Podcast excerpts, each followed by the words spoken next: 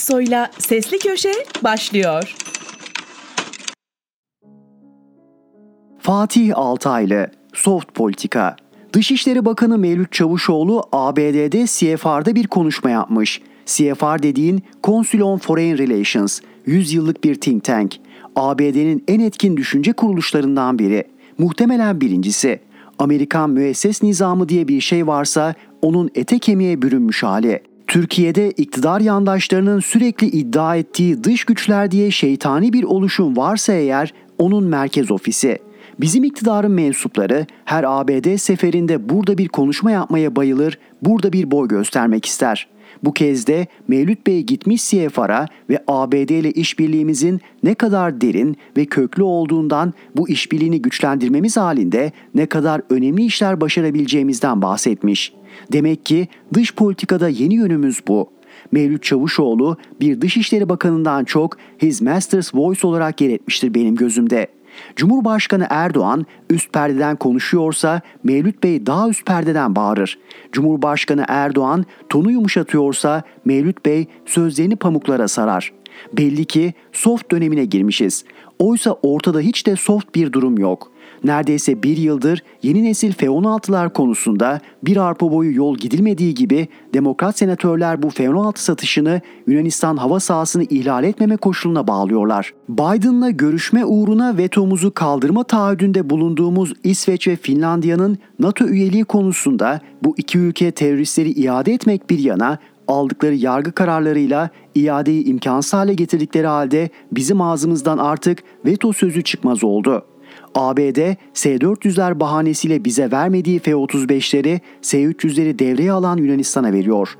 Ege'de Yunan askeri gemileriyle ABD donanması ortak devreye geziyor. Yunan Hava Kuvvetleri'nin havadaki kol arkadaşı ABD Hava Kuvvetleri. Türkiye'ye 10 kilometre mesafede ABD'nin Akdeniz'deki en büyük deniz üslerinden biri kuruluyor. Tüm bunlar yetmezmiş gibi ABD'nin internasyonel mikseri Nancy Pelosi isimli Temsilciler Meclisi Başkanı Uzak Doğu'yu karıştırdıktan sonra tam da Azerbaycan-Ermenistan geriliminin yeniden tırmandığı bir anda Ermenistan'a gelip buraları karıştırıyor. Ve bunun karşılığında biz soft politika başlatacak zamanı buluyoruz. Çavuşoğlu'nun CFR'daki bu konuşmasının ardından umarım Pelosi önce Güney Kıbrıs Rum kesimine ardından da Atina'ya bir ziyaret yapıp sonra da Aleksandropolis'teki üste askerleriyle buluşmaz. Aday yılbaşına kalmadı sanki. Eh artık daha fazla tartışmaya gerek yok. CHP'nin altılı masaya getireceği Cumhurbaşkanı adayı belli oldu. Kemal Kılıçdaroğlu adaylığını açıkladı. Benim açımdan hiçbir mahsuru yok. Son zamanlarda biraz değişse de efendi, düzgün, kibar, iyi bir insan. Bana uyar. Bana uyar da Türkiye'ye seçmenin %50 artı birine uyar mı onu bilemem. Zaten mesele de orada. Bundan sonraki aşamada CHP 6 liderin oturduğu masaya adayı olarak Kemal Kılıçdaroğlu adını sunacak. Kabul görür mü? O masadaki herkesin Kemal Bey'e sevgisi, saygısı, muhabbeti olduğunu biliyorum. Ama bu Kemal Kılıçdaroğlu'nun adaylığını kayıtsız şartsız kabul edecekleri anlamına gelmiyor. Muhtemelen masada bu partilere hükümet üyelikleri teklif edilerek ikna edileceklerdir. Orada da iş kolay değil. Ekonomide İyi Parti iyi bir kadro kurdu. Deva ile nasıl paylaşacaklar? Gelecekle siyasi etik yasası üzerinden bir anlaşma olsa da dışişleri üzerinde nasıl mutabakata varacaklar?'' Saadet'te Temel Karamollaoğlu Kemal Bey'e destek verecektir kuşkusuz ama bunu tabana nasıl yayacaklar? Partilerin kendi dengeleri, liderlerin kendi siyasi gelecekleri söz konusu olacak ve Türkiye'nin en kritik seçimi olarak nitelendirilen bu seçime giderken büyük bir ihtimalle altılı masada sonunda iki parti kalacak. İyi Parti ve CHP. Ancak Kılıçdaroğlu'nun kendi partisine sürekli olarak benimle misiniz diye seslenmesinden anlaşılan CHP içinde bile sindirim sorunları var. Muhtemelen İyi Parti içinde de benzer sorunlar olacaktır. Bu durumda kilit partinin HDP olacağı çok açık. Burada HDP'nin nasıl bir beklenti içinde olacağı önemli. HDP seçmeninin Cumhur İttifakı'na gitmeyeceği kesindir. Ama HDP Millet İttifakı'nı destek için işbirliğini el sıkışmayla gösterelim derse Cumhur İttifakı'nın seçim kampanyası da netleşecek ve bu el sıkışmanın görüntüsü Cumhur İttifakı'nın seçim afişi olacaktır.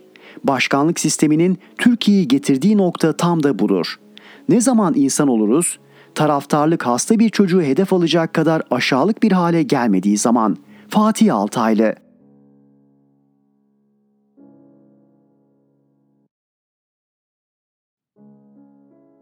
Figen Çalıkuşu Evladını öldür, annesinin kolunu kır. Dünya nüfusunun yarısı kadın, diğer yarısı da kadınların doğurduğu insanlar. İnsanlığı karnında taşıyan o kadınlar neredeyse bütün geri kalmış ülkelerde şiddet mağduru. Erkekler özellikle kadınlara fütursuzca şiddet uyguluyor. Bu hafta kendini tek ölçü sanan yöneticilerin ülkelerinde yaşanan şiddet olaylarına tanık olduk. Kanımız dondu. İran'da bir genç kadın başörtüsünü usulüne uygun örtmediği için sokak ortasında şiddet gördü, gözaltına alındı, gözaltındayken fenalaştı ve hastaneye kaldırıldı. Hastaneden canlı çıkamadı Mahsa Amini yaşamdan kaydı gitti. İran'da günlerdir süren protestolar artık ayaklanmaya döndü. Mahsa Amini geride kalan kadınlara saçlarından bir özgürlük bayrağı bıraktı. Türkiye'de de hem İranlı hem Türk kadınlar protestolara katılıyor kadının başörtüsü hakkında erkekler karar veriyor, istedikleri olmadığında da dövüyor hatta öldürebiliyor da. Başını örtmek isteyen örter, istemeyen örtmez. Örtene de, örtmeyene de ayar vermek kimsenin haddi ve hakkı olmamalı. Böyle bir yönetim yetkisini beni öldürebilirsin, öldüreni de cezalandırmayabilirsin gibi bir yönetim yetkisini hangi millet kendisini yönetenlere verir ki? Bizde de buna benzer acılı olaylar yaşanıyor.'' Bu ilkellik zaman zaman mahkeme kararlarına da konu olmakta. Bu haftanın Anayasa Mahkemesi kararlarından bir tanesi de gene polis şiddetine uğrayan, darp edilerek gözaltına alınan ve kolu kırılan bir kadın hakkında. Bu kadın üstelik de polis kurşunuyla ölen Berkin Elvan'ın annesi Gülsüm Elvan. Evladını öldür, annesinin kolunu kır.'' İstanbul Valiliği bu şiddeti uygulayanlar hakkında olay nedeniyle disiplin soruşturması açılmasına gerek olmadığına ve dosyanın işlemden kaldırılmasına karar vermişti. İnsaf. İdare mahkemesine yapılan itiraz kabul edildiğinde başsavcılıkta soruşturma başlatılsa da savcı sonuçta görevli polis memurları hakkında takipsizlik kararı verdi. El insaf. Gülsüm Elvan'ın başvurusu sonucunda Anayasa Mahkemesi verdiği hak ihlali kararında başsavcılık tarafından soruşturmanın eksik bırakıldığına, gerekli delilleri toplanmadığına, bu nedenle de kötü muamele yasağının usul boyutunun ihlal edildiğine, yeniden soruşturma yapılmak üzere İstanbul Anadolu Cumhuriyet Savcılığına gönderilmesine, Gülsüm Elvan'a 20 bin lira manevi tazminat ödenmesine karar verdi. Anayasa Mahkemesi Gülsüm Elvan kararında soruşturmadan sorumlu bu kişilerin yasal tarifini yapıyor. Adeta robot portresini çiziyor. Ben birkaç özelliğini aktarmakla yetiniyorum. Lütfen okuyun, bir daha okuyun. Soruşturmadan sorumlu kişilerle tetkikleri yapan kişilerin olaylara karışan kişilerden bağımsız olması soruşturma makamlarının olaydan haberdar olur olmaz resen harekete geçerek olayı aydınlatabilecek ve sorumluların belirlenmesini sağlayabilecek bütün delilleri tespit etmeleri. Soruşturmanın hukuk devletine bağlılığın sağlanması, hukuka aykırı eylemlere hoşgörü ve teşvik gösterildiği görünümü verilmesinin engellenmesi, herhangi bir hile ya da kanunsuz eyleme izin verilmemesi ve kamuoyunun güveninin sürdürülmesi için makul bir özen ve süratle yürütülmesi.'' Soruşturmadan sorumlu kişiler bağımsızlar mı? Hayır. Resen harekete geçiyorlar mı? Hayır. Bütün delilleri topluyorlar mı? Hayır. Hoşgörü ve teşvik gösterildiği görünümü veriliyor mu? Evet. Şiddet uygulayan memur biliyor ki soruşturulmayacak, biliyor ki korunacak ve biliyor ki kendisinden şiddet uygulanması isteniyor.'' daha bu karar tazeliğini korurken güvenlik bürokrasisinin zaaflarına bağlı olarak evlatlarını kaybeden, habersiz kalan, gözünün yaşı dinmeyen cumartesi hanelerinin duruşması öncesinde yanlarında bulunmak isteyen insanlar polis şiddetinin mağduru oldular. Alper Taş'ın kolunun nasıl kıvrıldığını gördüm. Ahmet Şık'ın nasıl kuşatıldığını gördüm, içim ürperdi. Bu nefret ve kin nedir anlaşılır gibi değil. İnsanların yerlere yatırıldığını izledim, kanım çekildi.'' Çaresizlik içinde kıvranan siyasal iktidar için bu şiddet vazgeçilmez anlaşılan. Şiddet vazgeçilmez olduğunda doğal olarak şiddetin cezasız bırakılması ve faillerin korunması da vazgeçilmez oluyor. Başsavcılar, savcılar, valiler bu toplumun sesini artık duyun. İnsan diyoruz, insanlık diyoruz. Keşke insanlık bir kere de inşa edilseydi, hepimiz insan olduk, müştereken insanlığın parçasıyız diyebilseydik. Ama yaşayıp görüyoruz işte.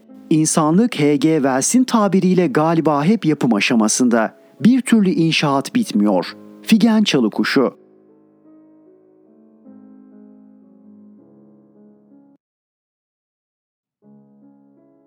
Mahfi Eğilmez Hititlerde para politikası ve döviz kuru Hititlerin para yerine kullandığı şekel aynı zamanda tıpkı bugünkü İngiltere parası sterlinde olduğu gibi bugünkü ölçüyle 12,5 grama eşit bir ağırlık ölçüsüydü. Para yerine kullanılan şekel 12,5 gram ağırlığında gümüş çubuk ve halkalar şeklindeydi. Bir üst ağırlık ve para birimi olan bir mina 40 şekele yani 500 gram ağırlığa eşitti. Hitit yasalarında bazı malların fiyatları yazılıydı. Koyun 1 şekel, yünüyle birlikte koyun derisi 1 şekel, koyun eti 1 bölü 10 şekel, keçi 0.75 şekel, inek 7 şekel, at 14 şekel, katır 1 mina. Dana derisi 1 bölü 10 şekel, mavi yün elbise 20 şekel, geniş keten kumaş 5 şekel ediyor. Katırın attan daha pahalı olması ilginç görünüyor. Ya katır sayısı azdı ya da katır attan daha fazla işe yarıyordu. Koyununu satmak isteyen kişi bu satışı yapıp bir şekel alacak yerde koyunu kesip etini 1 bölü 10 şekele, yünüyle birlikte derisini de 1 şekele satarsa bir tam 1 bölü 10 şekel alabiliyordu. Buna göre koyunu kesme ve derisini yüzme emeğinin karşılığı da onda bir şekel olarak belirlenmiş oluyor. Asurlular ve Babililer de aynı paraları kullanıyorlardı.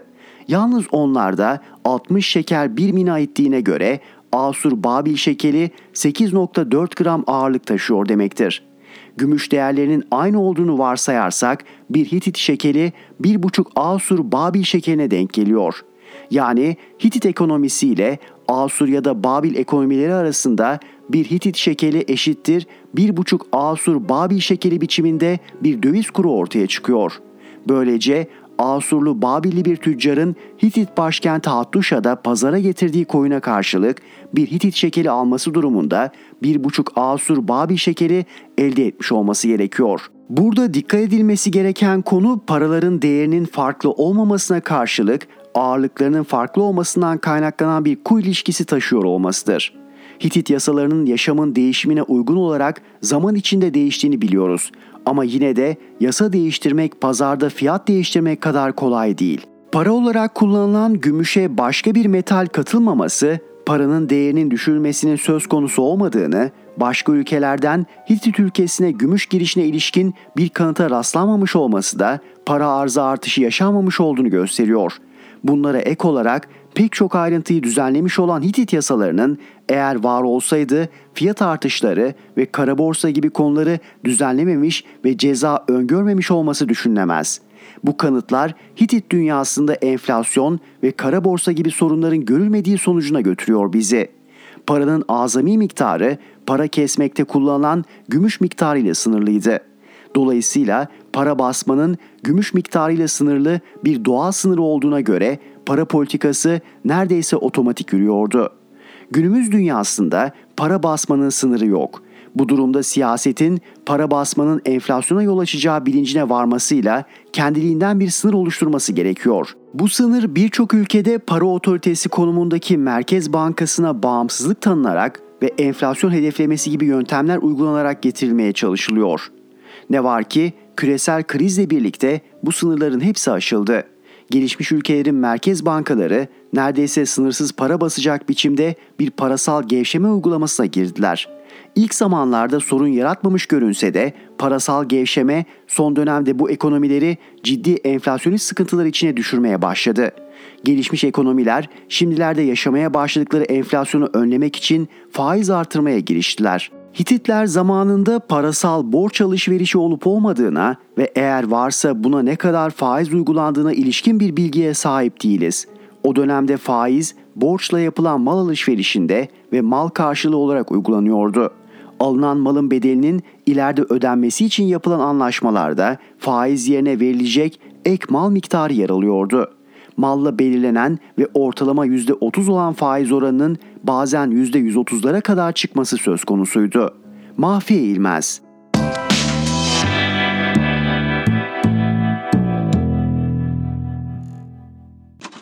Erhan Gökayaksoy'la Sesli Köşe devam ediyor. Mehmet Ali Güller, İranlı kadınların davası. İran'da kadınların rejimin dinci baskısına baş kaldırısı devrimcidir. İran rejiminin ABD emperyalizmine karşı olması ve ABD emperyalizminin de İran rejimine hedef alan kadınların devrimci eylemine destek veriyor olması bu eylemin haklılığını gölgelemez. Tersine ABD emperyalizminin ahlaksızlığını, çıkarları için her türlü siyasal pozisyonu alabileceğini gösterir. Unutulmamalı, Irak'ı kışkırtıp silahlandırarak İran'a saldırtan da ABD emperyalizmiydi, savaş uzasın diye İran'a el altından silah satan da. Şimdiki kadın hareketi çıkışı bakımından da talepleri bakımından da geçmiş yıllarda patlak veren dış bağlantıları olan kritik uluslararası meselelerle uğraşırken İran'ı içeriden zayıflatma amacı taşıyan karışıklıklardan farklıdır. Bu tablo karşısında asıl düşünmesi gereken İran rejimidir. ABD emperyalizmine karşı daha iyi mücadele etmesinin yolu halk üzerindeki dinci baskıları kaldırmasından ve halkıyla birleşmesinden geçer. Rejim karakteri nedeniyle bunu yapabilir mi? İran egemen sınıfı içerisinden dinciliği gemleyerek dindar vatandaşın üzerindeki baskıyı hafifletecek bir siyasi akım çıkabilir mi? Ya da halk hareketlerini siyasi bir güce dönüştürebilecek halkçı bir örgütlenme önümüzdeki süreçte olası mı?'' Benzer tartışma 2000'lerin başında da vardı. Örneğin Tahran Belediye Başkanı Mahmut Ahmedinejad 2004'teki Cumhurbaşkanlığı kampanyası sırasında kılık kıyafet yönetmelikleri konusunda daha demokrat bir çizgi izlemişti. Televizyonda insanların farklı zevkleri var ve hepsine hizmet götürmeliyiz demişti. Ancak kılık kıyafet baskısının sembolü haline gelecek ahlak polisi niteliğindeki irşat devriyesi ise bir yıl sonra onun döneminde resmen kurulmuştu. Bu örnek bile İran devlet katındaki güç ilişkilerinin çok boyutluluğunu ortaya koymaktadır.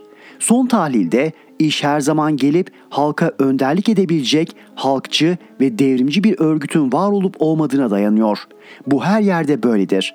Örneğin Mustafa Kemal önce müdafaa hukuk cemiyetlerini birleştirerek bir örgüt kurmuş, sonra kurtuluşa soyunabilmiştir. Örneğin Mısır'da Süveyş kanalı işçilerinin eylemleriyle başlayan ve dalga dalga grevlerle yayıldıktan sonra Tahrir Meydanı'na dayanarak Hüsnü Mübarek'i alaşağı edebilen halk hareketi güçlü bir devrimci örgüt kumanda edemediği için örgütlü bir kuvvet olan İhvan tarafından çalınabilmiştir. Arkasından bu kez İhvan'a karşı ortaya çıkan halk hareketini de daha örgütlü kuvvet olan ordu çalmıştır. Örneğin Gezi milyonların ayağa kalktığı çok büyük bir halk hareketiydi ve o büyüklükteki bir dalgayı yönlendirebilecek çapta ve olgunlukta bir devrimci karargah olmadığı için adım adım sönümlendi. Örneğin Kazakistan'da işçilerin grevleri ve haklı eylemleri emperyalist işbirlikçisi kuvvetler tarafından saptırılarak bir turuncu darbeye çevirmeye çalışılmıştı. Özetle günümüzde ABD her ülkedeki halk hareketine sızmaya ve onu kendi çıkarlarına uygun biçimde yönlendirmeye çalışır. Bunun önüne geçmenin tek yolu halk hareketinin anti-emperyalist devrimci örgüt tarafından yönetilmesidir. Hareketin başarısı da buna bağlıdır. Emperyalist ABD elbette İran'ın anti-emperyalist konumunu zayıflatabilmek için her durumu değerlendirmek ister. Buna Mahsa Amini'nin ölümü sonrası başlayan başörtüsü karşıtı özgürlük eylemi de dahildir. Ancak ABD bundan yararlanabilir diye bu özgürlük eylemlerine karşı olunamaz. ABD'nin bundan yararlanma sorunu baskı altındaki halkın değil İran devletinin sorumluluğundadır. Kuşkusuz farklı bir perspektiften de halk hareketini devrimci rotada tutma ve dış müdahaleleri engelleme sorumluluğu olan devrimci önderlerin sorunudur. Sonuç olarak İran'da çözülebilmesi gereken en önemli siyaset denklemi şudur. ABD emperyalizminin İran'ın anti-emperyalist konumunu zayıflatacağı bir koz olarak kullanamayacağı şekilde halkın özgürlük ve demokrasi mücadelesini yükseltebilmek. Mehmet Ali Güller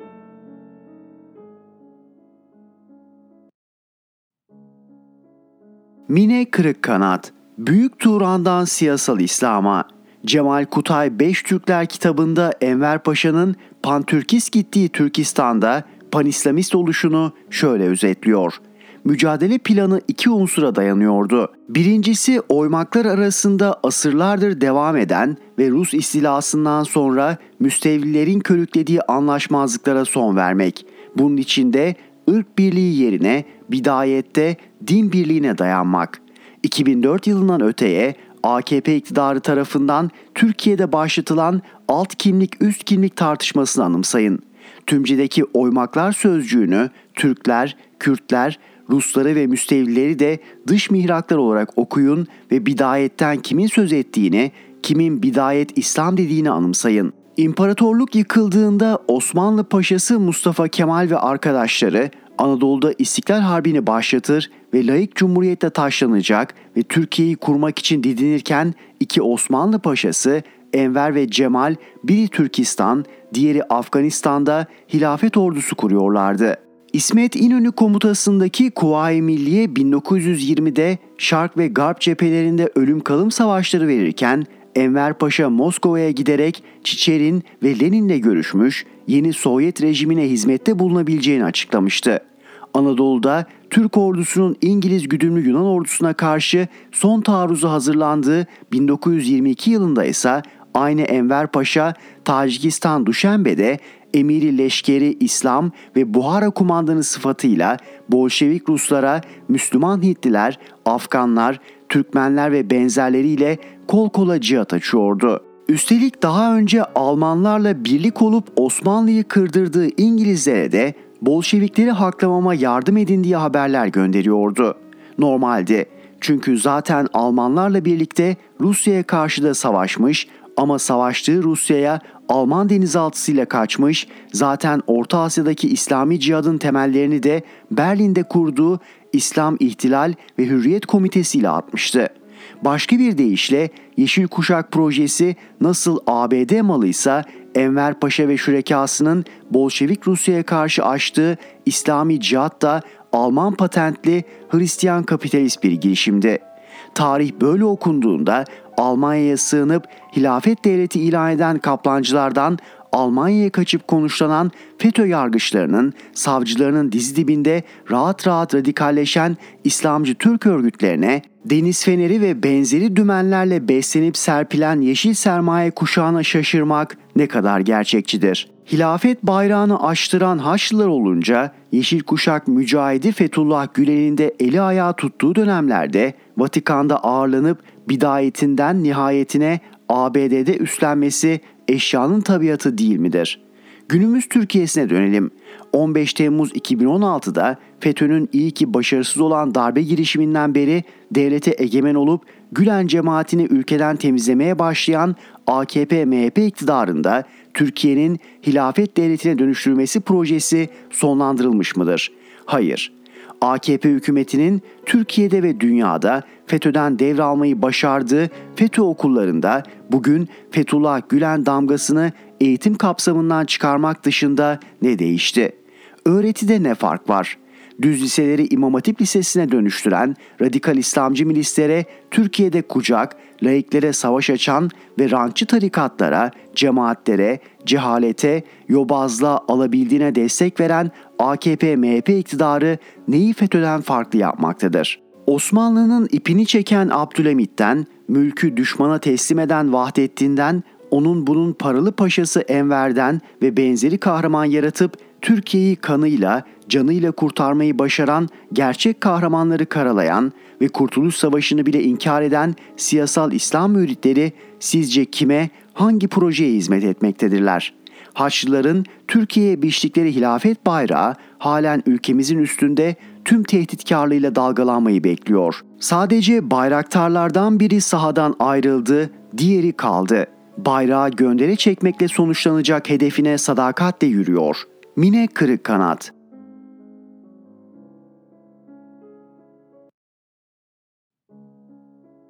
Mustafa Kemal Erdemol, İlyas Salman neden öldürüldü? Aman durun, öldürüldüğü falan yok büyük sanatçının. Sosyal medyada bir süredir sık sık öldürüldüğüne tanık olduğumuz için bu başlığı uygun gördüm. Yoksa en son Bostancı Kültür Merkezi'nde bir TKP etkinliğinde iki koltuk ötemde aslanlar gibi sağlıklı bir biçimde oturuyordu. Değerli Salman'a uzun bir ömür diliyorum. Yanına gidip bu söylentiler için ne düşündüğünü soramadım tabii. Yakışık almazdı. Ama o da ikide bir öldüğünün ileri sürülmesiyle uğraşmaktan bıkıp işi şakaya vuruyor artık. En son öldüğü haberleriyle çok iyi adamdım. Yattığım yer incitmesin. Yalnız cebeci mezarlığında yer bırakmadım yeminle diyerek dalgasını geçtiğini gördüm. Haklı. Böylesine bir durumla nasıl mücadele edilebilir ki? En iyisi gırgıra vurup bu iddiayı ortaya atanların yaptıklarından vazgeçmesini beklemek. Geçerler mi? Orası kuşkulu işte. Çünkü bu da bir tür hastalık. İddia sahibini herhalde keyiflendiren bir tarafı var ki sonuçlarını öldürdükleri insanların yakınlarını, sevenlerini nasıl üzdüklerini düşündükleri yok bu hastaların. E hastalık işte. Doğal böyle davranmaları. Pare idolya yani sanrı deniyor bu duruma. Kimilerinin kamusal figürlerin tutumlarından, seslerinden, mimiklerinden ya da uzun süre ortada görünmeyişlerinden mesajlar çıkararak iddialar ortaya atmasının nedeni bu pare idolya işte. Sanrı ama kısmen iradi bir sanrı bu.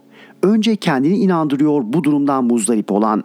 İddia sahibine ne kazandırıyor peki? Öncelikle tatmin duygusu veriyor tabi.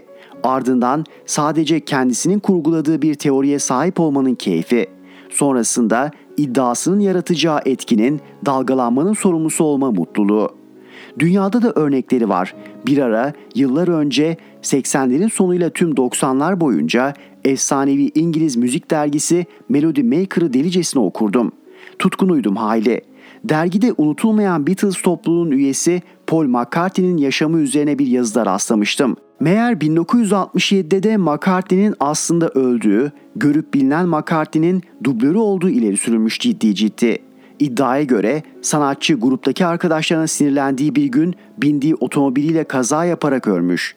Şirketi de hayranların üzülmemesi için ona çok benzeyen birini tutmuş. İddiadır ne kadar inanana olabilir demeyin. Yıllarca sürdü bu inanış. Elbette bunu ileri sürenlerin de kimi kanıtları var. McCartney'nin kimi şarkılarındaki subliminal mesajlar örneğin. Bazı şarkılarda yer alan Paul öldü, Paul'ü gömdüm gibi ifadelerde kanıttı haliyle. Günümüzde de az sayıda inananı hala olsa da zamanla unutuldu bu iddia. Ama uzun süre inanılmasının bir başka nedeni de ünü arttıkça McCartney'nin medyayla, halkla daha az yüzde gelmesi. Tüm bunlar hayranlarının bir kısmında pare idoli etkisi uyandırmış demek. İddiaya en çok inananlar herhalde McCartney'den hoşlanmayanlardı kuşkusuz. Bunlar bir de sanatçının 1967'den sonra ilk tanındığı andan farklı davrandığına inandırmışlardı kendine. Para idolyanın bir özelliği de inanmak istediğimize inanmak, bunun için gerekçeler bulmak. İlyas Salman için öldü söylentisinin kaynağı muhtemelen ortalıkta görünme işi. Ortalıktan kasıt filmler çevirmemesi ise bu doğru olabilir. Oysa Salman toplumsal konulara duyarlı hatta taraf bir figür dolayısıyla hali ortalıkta.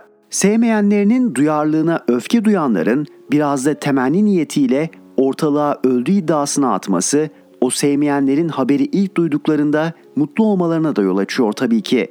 Anlık bir mutluluk da olsa bunu hissetmek isteyenler var elbette. Pare İdolya'nın kurbanı çok. Sylvester Stallone, Johnny Depp, Jackie Chan, Morgan Freeman, Eminem, Eddie Murphy, daha niceleri. Yaşarken öldüğü iddia edilenlerin yanı sıra öldükleri halde yaşadıkları iddia edilenler de var tabi. Para idolya böyle bir şey. John F. Kennedy'nin, Elvis Presley'nin, Michael Jackson'ın, Hitler'in ölmediğini ileri sürenler tonla. Bu yeni bir olgu da değil üstelik. Mark Twain'in Tom Sawyer'lı Huckleberry Finn kitaplarını okuduysanız orada da konu edildiğini anımsayacaksınız. Demek ki hayli uzun bir tarihi var bunun. Yukarıda sıraladığım nedenlere rağmen yine de iddia sahiplerinin eline ne geçtiğini anlayabilmiş değilim tabi. Aklıma gele gele para idole muzdariplerinin doğal gündemin akışını bozarak kendini önemli hissetmek istemeleri geliyor. Budur herhalde. Münir Özkul'u, Nuri Alço'yu, İlyas Salman'ı sürekli öldürmenin ne tür bir hazzı olduğunuysa çözebilmiş değilim. Gerçekte kimseyi öldüremeyecek olanların duygusal katil olma hevesleri mi vardır bilemem tabi. Neyse İlyas Salman yaşasın yeter ki. Para idoliklerin de hevesleri kursaklarında kalsın. Mustafa Kemal Erdemol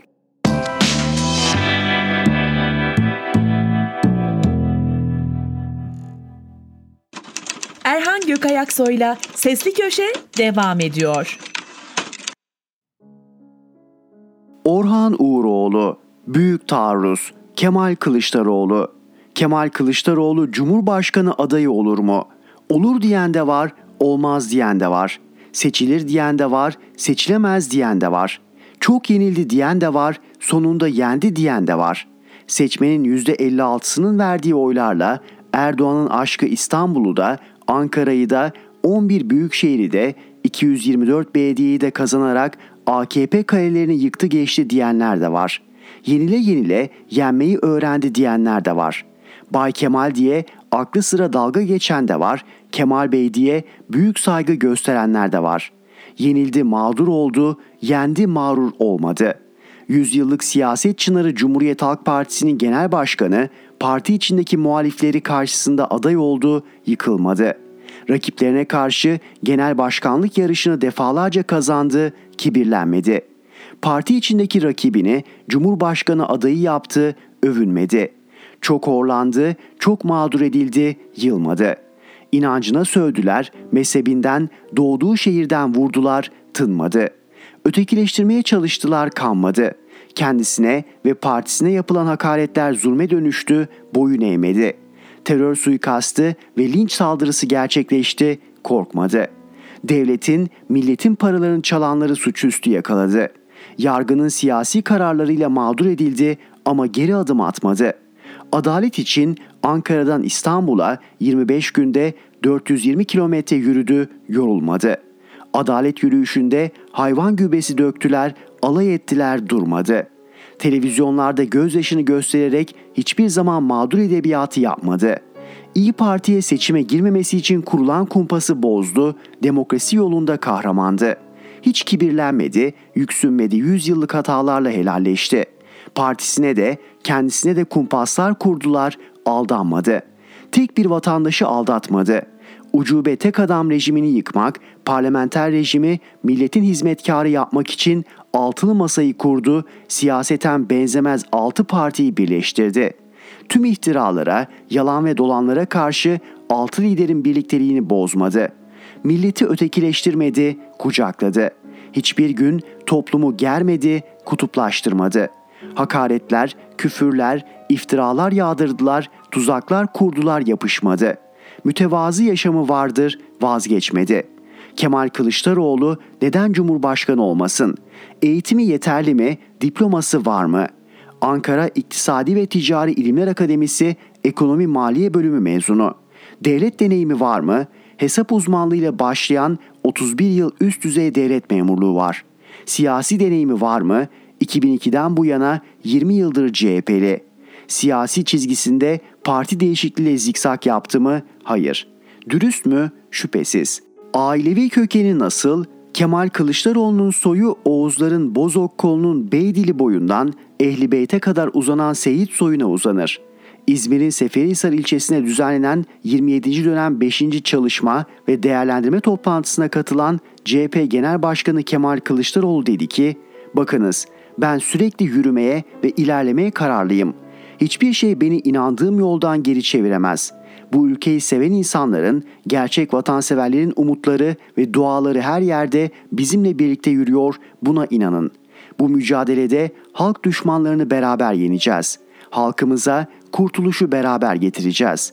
Şunu artık bilmek zorundayım. Siz gerçekten benimle birlikte misiniz? Bazılarınızın sesi çıkmıyor. Bazılarınızın da isteyerek veya istemeyerek zarar verdiğini görüyorum. Artık beraber karar verelim. Bu halk düşmanlarını beraber yenecek miyiz? Benimleyseniz benimle olduğunuzu da artık hissetmek istiyorum.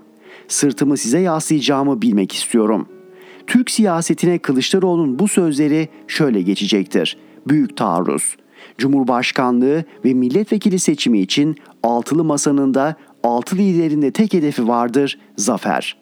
Değerli okurlarım, Kılıçdaroğlu'nun bu sözlerinin altılı masayı olduğunu AKP ve MHP'nin siyasi cambazları üfürmeye başladılar. Halt ediyorlar çünkü Kemal Bey siyasi ayak oyunlarını Erdoğan ve Bahçeli gibi bilmez. Mertçe siyaset yapar.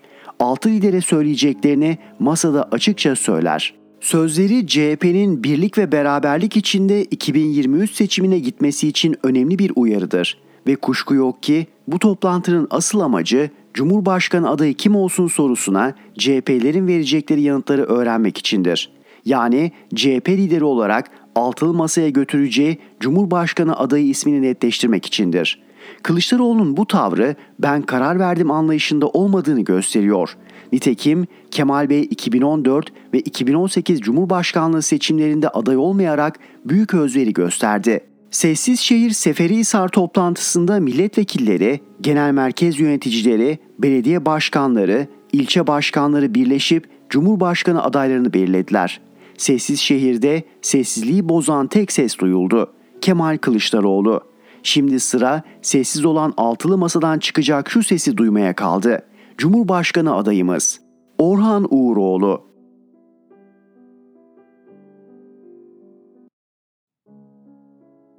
Özdemir İnce, zahmeti sana sefası bana. Yazının adını önce nikah sana, hizmeti bana diye düşünmüştüm ama baktım ki münafıklar tarafından müstehcene varacak kadar yoruma gebe, bunun üzerine saksıyı çalıştırdım ve mazbut bir ad buldum. İsterseniz siz de ad üretebilirsiniz. Külfeti sana geliri bana, yatırım sana kar bana, gayret senden, tahsilat benden, toplama senden, yeme benden gibi. Sözü 13. Cumhurbaşkanı adayına getirmek istiyorum.'' 22 Eylül 2022 tarihli Cumhuriyet Gazetemizin 4. sayfasında yer alan haberin Cumhurbaşkanı partisiz olsun başlığını okuyunca tepem attı. Aklıma yukarıda tırnak içinde yazdığım başlıklar geldi. Siyasetçiler yeni dönem Cumhurbaşkanı adayının niteliklerini tartışırken bir sivri akıllının siyasetçi olmayan birinin aday olmasını istediğini düşündüm. Oh ne ala ama haberin gerisini okuyunca durumun başka olduğunu anladım. Gelecek Partisi ise geçiş sürecinde Cumhurbaşkanının partisi olması gerektiğini savunuyor. Bunu Gelecek Partisi Genel Başkanı Ahmet Davutoğlu da 19 Eylül'de yaptığı açıklamada ortak aday kazanırsa partisinden istifa etmeli sözleriyle kamuoyuna duyurdu. Gelecek Partisi geçiş sürecinde çıkarılacak kararnamelerde 6 partinin de söz sahibi olmasını öneriyor. Ayrıca geçiş sürecinde bakanların daha yetkili olması gibi önerilerde bulunuyor. Elbette partili biri aday olursa kuşkusuz partisinden istifa edecek. Gelecek Partisi malumu ilan ediyor. Sorunu nesnel bir mantıkla düşündüğüm zaman yani emek ve liyakat açısından değerlendirdiğimizde CHP Genel Başkanı Kılıçdaroğlu'ndan daha önde bir aday yok. Gerisi yani partili ya da partisiz bir başka aday olsun armut piş ağzıma düş anlamına gelir.'' CHP dışındaki 5 partinin genel başkanlarının adaylığı da o partilerin göstereceği adaylar da nankörlük ve vefasızlık sayılır. 5 partinin böyle bir şey düşüneceğini sanmıyorum. Gelelim altılı masa dışında kalan partilerin takınacağı tavra. HDP altılı masanın aday konusunda kendisiyle görüşmesini istemekte. Altılı Masa'nın adayına karar verirken HDP ve sol partiler Emek ve Özgürlük İttifakı olgusunu hesaba katmayacağını düşünmek deliliktir. Belki HDP ile görüşmeyi düşünebilirler ama bu HDP'nin arzu ettiği gibi bandolu mızıkalı gösteriyle olamaz. Bu siyasal açıdan sakarlık olur, AKP ile MHP'nin ekmeğine yağ sürer. İttifakın kendi adayını göstermesi ve işi ikinci tura bırakması da göle yoğurt mayalamaya benzer.'' Gelelim CHP'nin durumuna. MHP'nin kazı Ekmelettin İhsanoğlu'yla bir centilmenlik ve şövalyelik örneği olan Muharrem İnce'nin adaylığında düştükleri tuzağa tekrar düşeceklerini sanmıyorum. İkisi de kumardı. Bu seçimde kumarın yeri yok. Şimdi Kantar gibi bir hakem var. Kantar hem aday seçiminde hem de Cumhurbaşkanlığı seçiminde hakem olacak. Bu seçim kader seçimi. Ya demokratik cumhuriyet ya İslamcı diktatörlük. Başta AKP dönemi vurguncuları olmak üzere neoliberalizm meftunu işverenler, gayrimeşru kazanç peşinde koşanlar, kamusal ekonomiden nefret edenler ve halifelik düşleri görenler Kemal Kılıçdaroğlu'nun Cumhurbaşkanı olmasını kesinlikle istemiyorlar. Bu ortak tepki onun Cumhurbaşkanı seçilmesinin ne kadar isabetli olacağının göstergesidir.'' Herhangi bir partinin ya da bir topluluğun CHP içinden birini Kemal Kılıçdaroğlu'na karşı aday göstermesi düpedüz terbiyesizlik olur. Ayrıca sağın 72 yıllık bozgunu unutup altılı masanın önderliğinde sağdan birinin aday yapılmasını düşünenler de olabilir. O zaman hasta istediğini yiyebilir. Özdemir İnce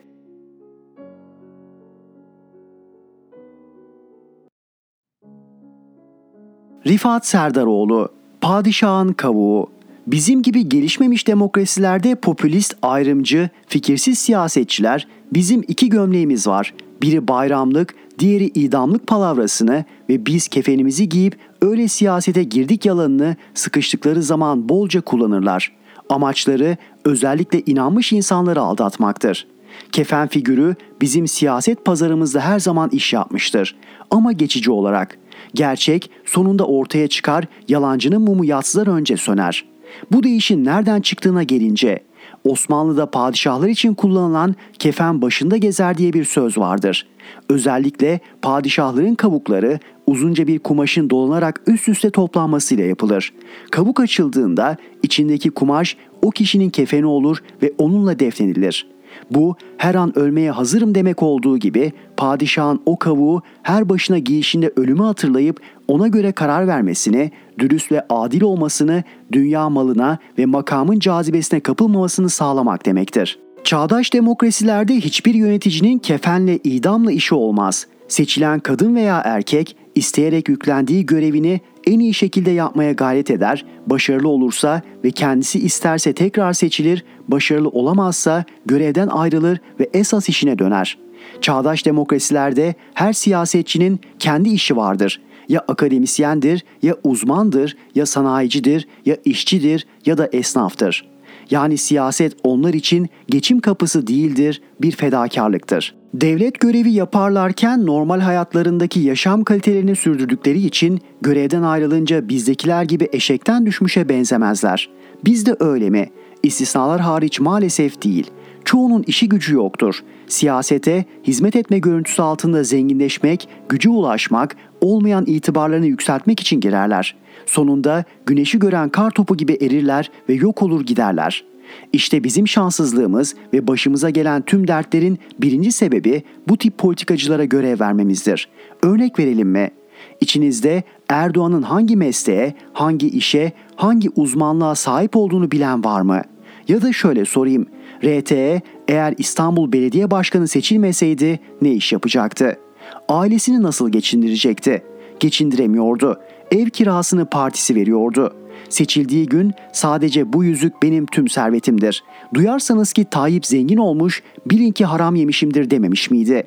Remzi amcaları RT'nin çocuklarını yine Amerika'da okutacak mıydı? Bilal Oğlan yine bir defada 100 milyon dolar bağış alacak, milyarlarca dolarlık vakıfların sahibi olabilecek miydi? Mursi yine Bilal Oğlan'a Mısır vatandaşlığı verecek miydi? Çok sayıda pasaportu olacak mıydı? Burak Oğlan yaya geçidinde çarpıp ölümüne sebep olduğu sanatçımız rahmetli Sevim Tanürek için bir dakika göz altında kalmadan İngiltere'ye kaçacak mıydı? RT oğlunun İngiltere masraflarını hangi parayla karşılayacaktı? Türk milletinin yarıya yakını bu gerçekleri hiç önemsemedi ve kişiyi önce milletvekili, başbakan, sonra da cumhurbaşkanı seçti. Bugüne kadar anayasanın ayaklar altına alınmasını, hukuk devleti ilkesinin yıkılmasını, avanta paralarla haram havuzu kurup medya grupları satın alınmasını, bu yolla haysiyetlere saldırılmasını, Türk ordusuna kumpas kurulmasını, terör örgütlerine silah gönderilmesini, ülkenin son hızla bölünmeye götürülmesini, devletin ve kendilerinin soyulduğunu önemsemedi ve oy verdi. Siyasetin önemli gerçeği şudur. Her toplum layık olduğu şekilde yönetilir. Bu sözü tam 347 yıl önce kuvvetler ayrımı esasını ortaya atan düşünür Montesquieu söylemiştir. Biz ne yaptık? 347 yıllık gerçeği çiğneyip kuvvetler ayrımı bana ayak bağdır diyen bir kafaya Türkiye'yi teslim ettik. Dik durmayı unutmuş Türk iş alemi, dilleri lal olmuş üniversite ve bilim camiası, çalıştığı medya grubunun haram parasına tenezzül eden basın mensupları, resmi sivil bürokrasi ve sivil toplum kuruluşları kolay yolu seçip zalime biat ettiler. Tob gibi. Aziz Türk milleti, Türkiye Cumhuriyeti Devleti'ni tüm kurumlarıyla birlikte Cumhuriyet ayarlarına döndürmek, çağdaş dünyayla yeniden barışmak için tek yol badem kafalı suç örgütünden demokratik yolla kurtulmakla olur. Türk milletinin önüne konan iki ittifak var. Cumhur dedikleri her şeyi bozan, Cumhuriyeti çökme noktasına getirmiş suç örgütü ittifakı ve Türk milletinin anayasaya koyduğu temel değerlerini, Atatürk ilke ve devrimlerini göz ardı edip AKP larvalarıyla iş tutan, her biri ayrı telden çalan şaşkın altılı ittifak. Bakar mısınız? Kılıçdaroğlu 12 yıldır genel başkan olduğu partisinin milletvekillerine, belediye başkanlarına, parti yöneticilerine ısrarla soruyor. Siz gerçekten benimle beraber misiniz? Kemal Bey önce partisinin görevlerini ikna etsin, sonra edebilirse Altılı Masa Genel Başkanlarını ikna etsin. En sonunda da Altılı Masa'nın genel başkanları kendi partilerini ikna etsinler, sonra sıra Erdoğan'ı indirmeye gelecek. Tabii ki yeni bir kargaşa çıkmazsa. Anayasamızın ilk altı maddesine bağlı, Atatürk ilke ve devrimlerine saygılı, Türk milletinin tümünü kucaklayacak Milli İttifak mutlaka kurulmalıdır. Rifat Serdaroğlu